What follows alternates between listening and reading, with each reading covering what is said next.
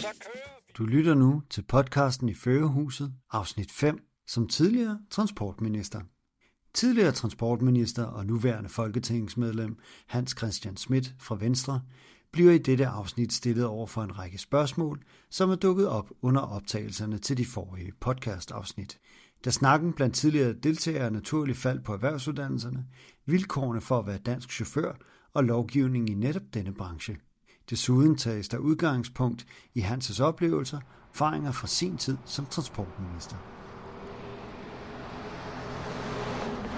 Yes. Velkommen til Hans Christian Schmidt, forhenværende transportminister og nuværende folketingsmedlem for Venstre. Tak fordi vi må komme på besøg i dag. Vi er her jo i forbindelse med øh, podcast og fotoreportage, som skal øge fokuset på tilgangen af nye lastbilchauffører til den danske transportbranche.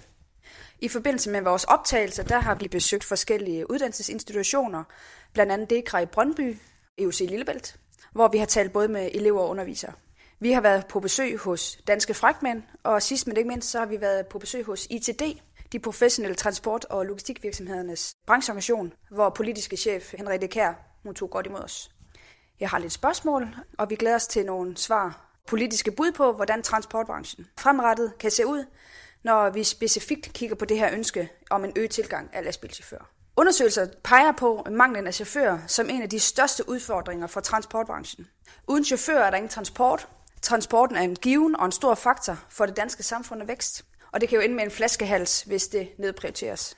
Hvordan ser øh, transportbranchen ud pt, og hvilken retning er den på vej hen i?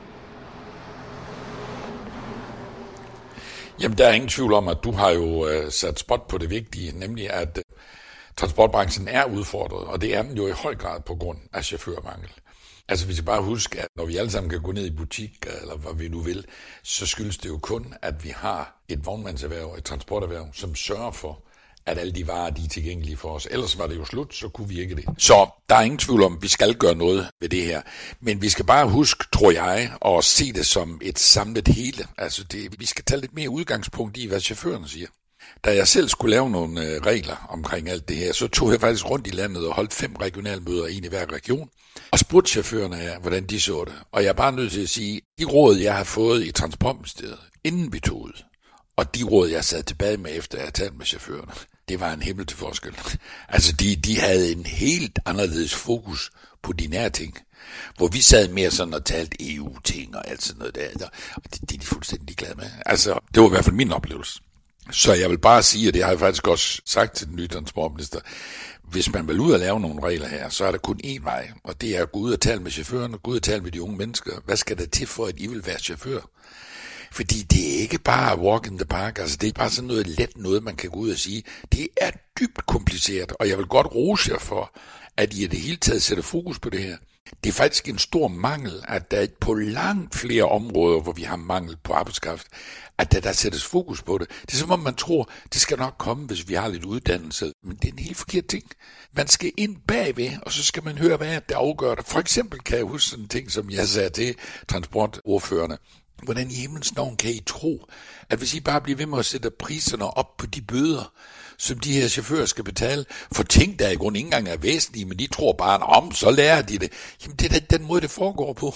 Det er så dybt kompliceret, det her, så man kan jo få en bøde næsten bare ved at sætte sig ind i, i førerhuset.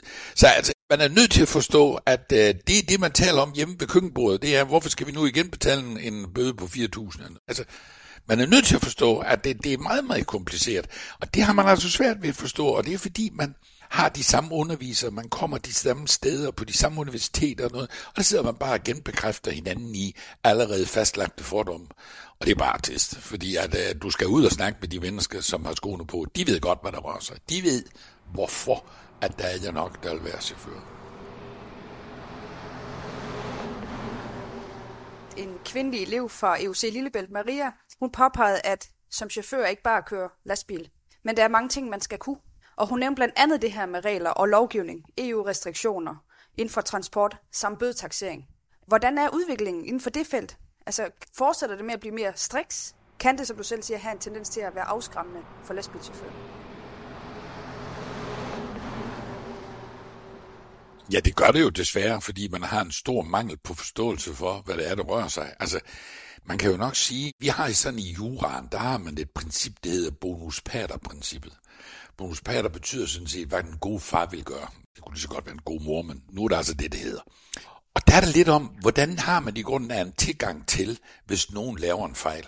En chauffør fortalte mig, at hvis han i Frederikshavn øh, starter lastbilen, går rundt og kigger, alle lamper er i orden, og det hele er, som det skal være, fint, og så kører han ned igennem Jylland, og så i Fredericia bliver han stoppet.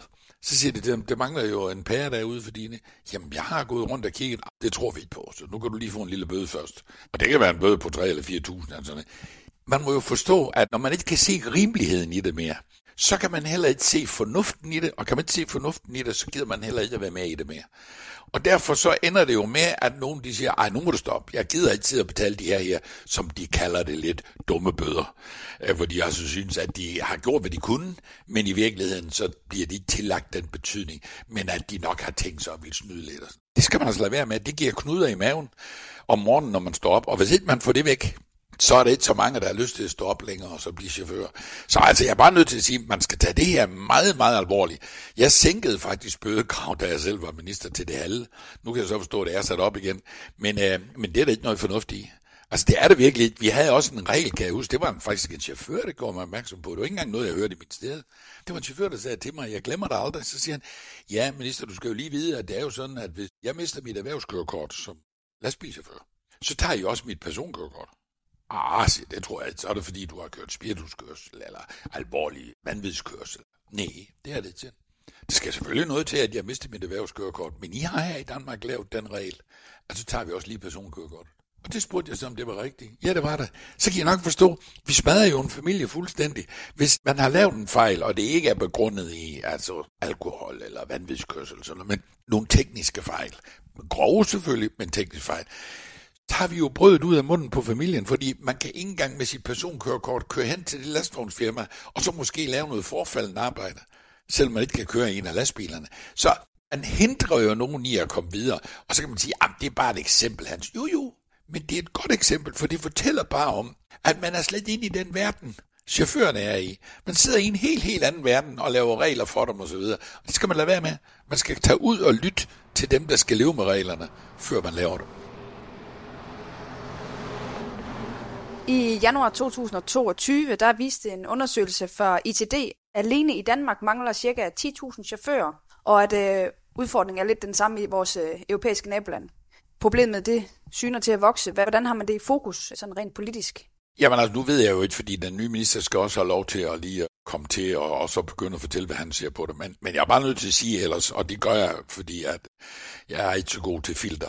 Altså, jeg er bare nødt til at sige, det har man ikke haft blik for. Jo, man siger, man har blik for det, men det har man ikke. Altså, man har ikke forstået godt nok, at man er nødt til at indbage chaufføren for at forstå, hvad er det, der sker hjemme ved køkkenbordet.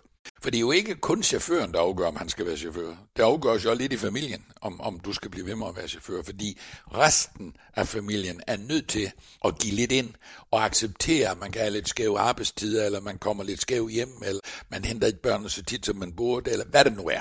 Så familien skal jo også forstå det og acceptere det. Og hvis ikke man forstår det, så kan man godt opgive det her, så kommer man ingen steder. For eksempel kan jeg bare sige sådan en enkelt ting som, at det er jo helt vanvittigt, at vi nu skal sidde og diskutere, om der skal være bedre servicefaciliteter på vores øh, restepladser. Undskyld mig, siger jeg, er det, er det ingen af jer, der har været på en resteplads, så ved I da, at det er elendige forhold for mange chauffører, i hvert fald på nogle af restepladser. Andre er jo gode, men der findes sandelig mange, hvor det er hjertet. Hvem af jer kunne godt tænke jer at have et job, hvor I har sådan nogle elendige serviceforhold, når I for eksempel skal sove, eller skal ind og bade, eller skal være skære, hvad det nu er? Altså prøv at høre, det er ikke så kompliceret, men man skal bare have blik for det. ITD's undersøgelse viste også, at halvdelen af aktive chauffører har fejret deres 50-års fødselsdag, og man forventer, at de forlader faget inden for de næste 15-20 år, hvilket naturligvis lægger op til, at man skal uddanne nogle flere chauffører til netop den her erhvervsuddannelse. Hos øh, EUC Lillebælt, der talte vi med uddannelsesleder Henrik Helius, og han påpegede, at man i mange år fra regeringssiden har haft meget stor fokus på de her gymnasielle uddannelser. Og at man i folkeskolerne faktisk også på den baggrund har nedprioriteret nogle af de sådan lidt mere håndværksmæssige fag, for eksempel som sløjt. Hvordan øh, tænker du, man skal inspirere og motivere unge mennesker til at kigge i retning af en erhvervsuddannelse, øh, som en uddannelse inden for lager og transport faktisk er? Det som for eksempel ITD i deres store kampagne, de, de, de lavede med, at det er os, der holder Danmark kørende. Det var sådan en, en video, de lavede en gang, og det var, det var fantastisk. Men der fortalte de jo lidt om, altså kære venner, på lige en gang, jeg har et job, som gør, at du kan få dine varer, og du kan gå ud og handle, og der medicin kommer frem, og alt muligt andet. Og hvis ikke jeg var her, så kunne du slet alt det der. Men hvis ikke folk forstår det, hvordan skulle de så respektere det? Altså man er jo nødt til at forstå noget, før man også kan forsvare det, eller respektere det, eller forklare det. Eller sådan Så det synes jeg bare, man skal gøre meget mere ud af, og så fortælle, hvor vigtigt et job det er. Det er faktisk sådan, hvis du ser det der med landbruget, så havde de en lang, lang historie og tradition for, at de fik eleverne i 9. klasse ud og prøvede at være på en gård, og de prøvede at skulle være landmænd, og de skulle købe gødning, og de skulle beslutte sig for sædplaner, og hvordan der ville skulle de alle de her ting. Altså, de prøvede det der med at være landmand. Men de gav også den bivirkning, at mange synes, at landbrugserhvervet var også et vigtigt erhverv. Altså, man sørgede for fødevarer, man sørgede for velfærd for dyrene og så videre. Altså, de synes, det var noget vigtigt. Så man skal bare huske, mange af de her erhverv, som mange søger hen til, de har jo fra naturens hånd fået en fantastisk opmærksomhed. Altså, hvor mange kender ikke, at forældrene har sagt, at jeg synes at du skal på gymnasiet. Jamen, jeg, jamen, jeg vil da gerne på en teknisk skole. Og, og jo, altså, men det kan du jo altid falde tilbage på, men altså, det er da bedre, hvis du nu tog gymnasiet. Men hvorfor det? Altså i virkeligheden må man da sige, at tømrer og elektrikere og VVS og altså nu, de laver da et fantastisk vigtigt arbejde. Havde vi ikke dem, så kan jeg da godt vide, hvordan vi er, alle vi andre vi boede. Så altså, det har også lidt at gøre med, at man skal løfte. Og det tror jeg så, at det skal man passe på med at tro, at man kan gøre i en folkeskole. Nu kender jeg lidt folkeskolen. Så hvis man tror, at man bare kan sætte nogle lærere til det, Jamen, det har også noget med ægthed at gøre, og jeg kan garantere for, at hvis eleverne pludselig ser en lastvognschauffør komme ind i lokalet, i klasselokalet, og sige, skal I høre, jeg vil godt lige fortælle jer lidt om, hvordan det er at være lastvognschauffør, så siger eleverne, det kan vi regne med. Han kører selv i Spanien, han kører selv i Portugal, han prøver at komme over grænserne, han er op, hvor det sneer, hvor det er glat, og hvor det er meget ved, og han sover selv ude på restepladsen om natten, og er måske lidt bange for, at nogen kommer og røver ham. Og hvad. Altså, det bliver ægte. Så ægtheden skal man huske at have frem. Så er det sådan set ligegyldigt med alt andet, så skal det nok komme af sig selv. Men ægtheden skal være der. Så inspirationen kommer jo, kan komme i folkeskolerne, men så skal man jo ud på erhvervsuddannelsen bagefter. Og øh, jeg læste her til morgen, at øh, chefkonsulent og uddannelsesansvarlig for SMV i Danmark, Kasper Munk Rasmussen, han, han nævner i, en, i et indlæg, at erhvervsuddannelserne skal prioriteres her i den første regeringsperiode. Altså, at man får ikke en god løsning i morgen, men man skal have politikere til at kigge på, at 2023 bliver året, hvor man får nogle mere substantielle og permanente løft. Fordi han påvejer nemlig, at erhvervsskolerne på nuværende tidspunkt er ramt af sådan den her perfect storm. Når man har en erhvervsuddannelse, så skal man jo også bruge materialer, øh, der skal være nogle maskinerier, og det gælder også for transportbranchen. Hvordan ser du prioritering for den nuværende regerings side? Jeg håber, jeg ser det sådan, at man indser, at for at noget er fancy, altså man kan jo bare gå ind og spørge lægeverdenen, fordi dem kender de da. Spørg lægerne vil du helst være på et gammelt ramponeret sygehus, hvor der ingen instrumenter rigtig er, og du har, din medicin, den halter også, altså noget. Eller vil du helst hen på et fancy ting, hvor I har alle de nye uh, sundhedskanoner, alle de ting, I skal bruge. Hvad vil du helst? Det er der ikke noget tvivl om. Altså, hvis, hvis unge mennesker skal vælge, så vil de da vælge, at de vil hen et sted, hvor det er sjovt at være. Og hvor det... Jeg var ude ved øh, en kaserne, spurgte så også obersten der, hvad er det i grunden, der gør, at unge mennesker ikke går ind til militæret? For vi kan se, at vi mange, mange, der skal ind til militæret. Og spurgte jeg de unge mennesker også, og de sagde jo, at der var mange forhold, men en af dem var blandt andet, at det skulle altså også være noget værd at komme og arbejde der. Altså man skulle også kunne sidde om aftenen, hvis man mødes med vennerne og sige, jeg er jo altså konstabel er heroppe på Vardekaserne. Fantastisk.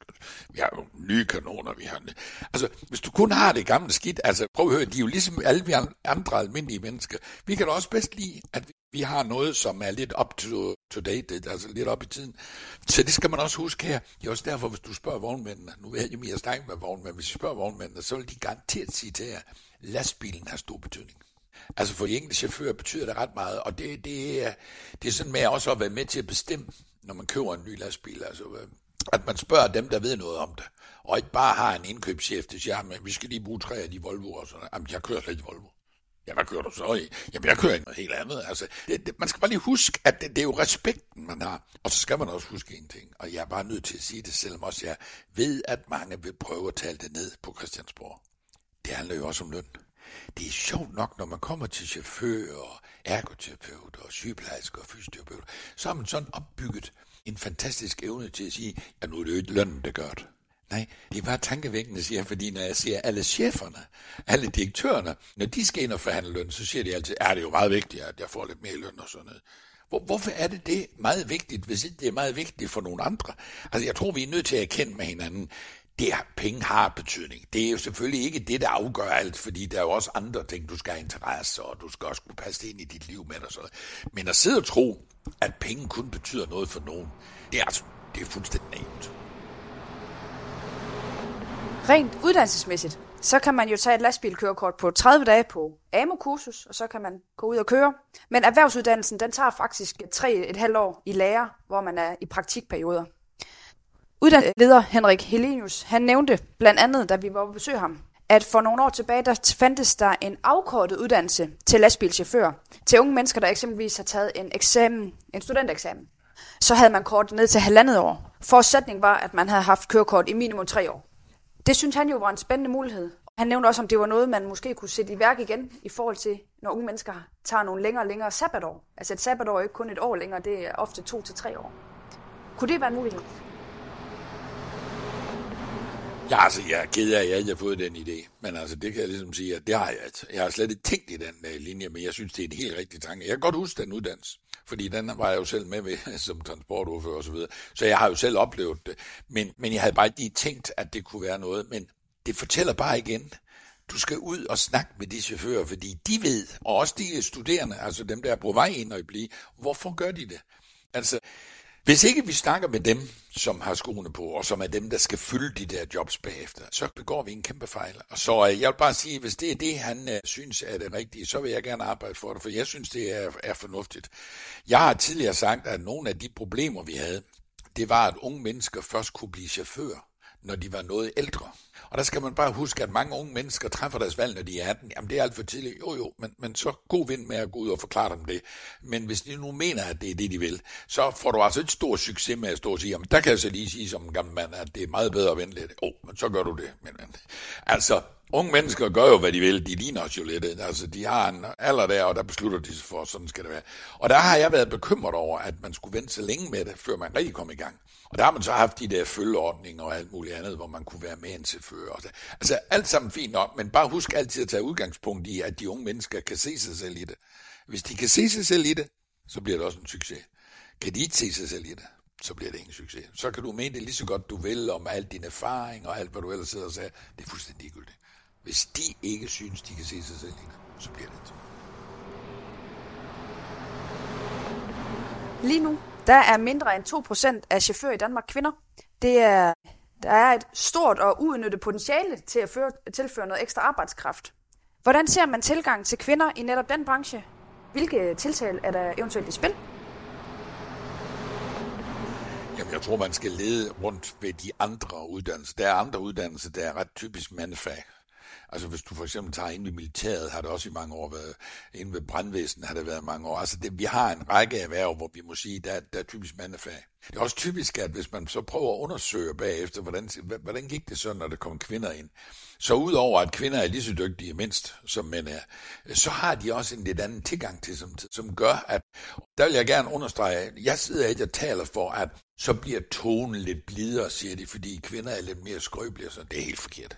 Nej, kvinder er bare her til noget mere ordentligt. Og det er sådan set bare ordentligheden, der kommer frem. Altså, man kan ikke tillade sig bare at sidde og fyre alt muligt af, selvom man siger, at blev bare for sjov og sådan noget. Men det går ikke, vent. Altså, og, og, det er derfor, jeg mener, at vi skal have kvinder ind, fordi kvinder er meget bedre til at sætte foden ned og sige, så er det godt. Det gider jeg ikke mere, det her pjat. Og det er mænd, selvom også de ikke vil erkende det. Det er de noget dårligere til. Så altså, hold op med det der med, at det er for, for at få kvinder ind, fordi så bliver tonen sådan lidt mere vind. Nej, nej, det er slet ikke noget med det, jeg gør, fordi kvinder kan simpelthen op ad barsk, altså, og sige tingene, som de er. Men de er bare gode til at sætte foden ned. Og det vi brug for, fordi skal de fungere sammen, så er de nødt til også at være på samme betingelse, og er de på samme betingelse, så er de også nødt til at kunne sige det samme til hinanden, altså sige, så er det godt. Jeg vil ikke være med til det her mere. Og jeg var ude og besøge for eksempel Beredskabsforbundet i Haderslev, og spurgte så en kvindelig her ud, hvordan er det gået, siger, jeg kan forstå, at I er på samme sovesal. Ja, det var de også. Og de har så sat sig ned og aftalt nogle spilleregler og så videre. Dem overholdt de så, så det gik så fint.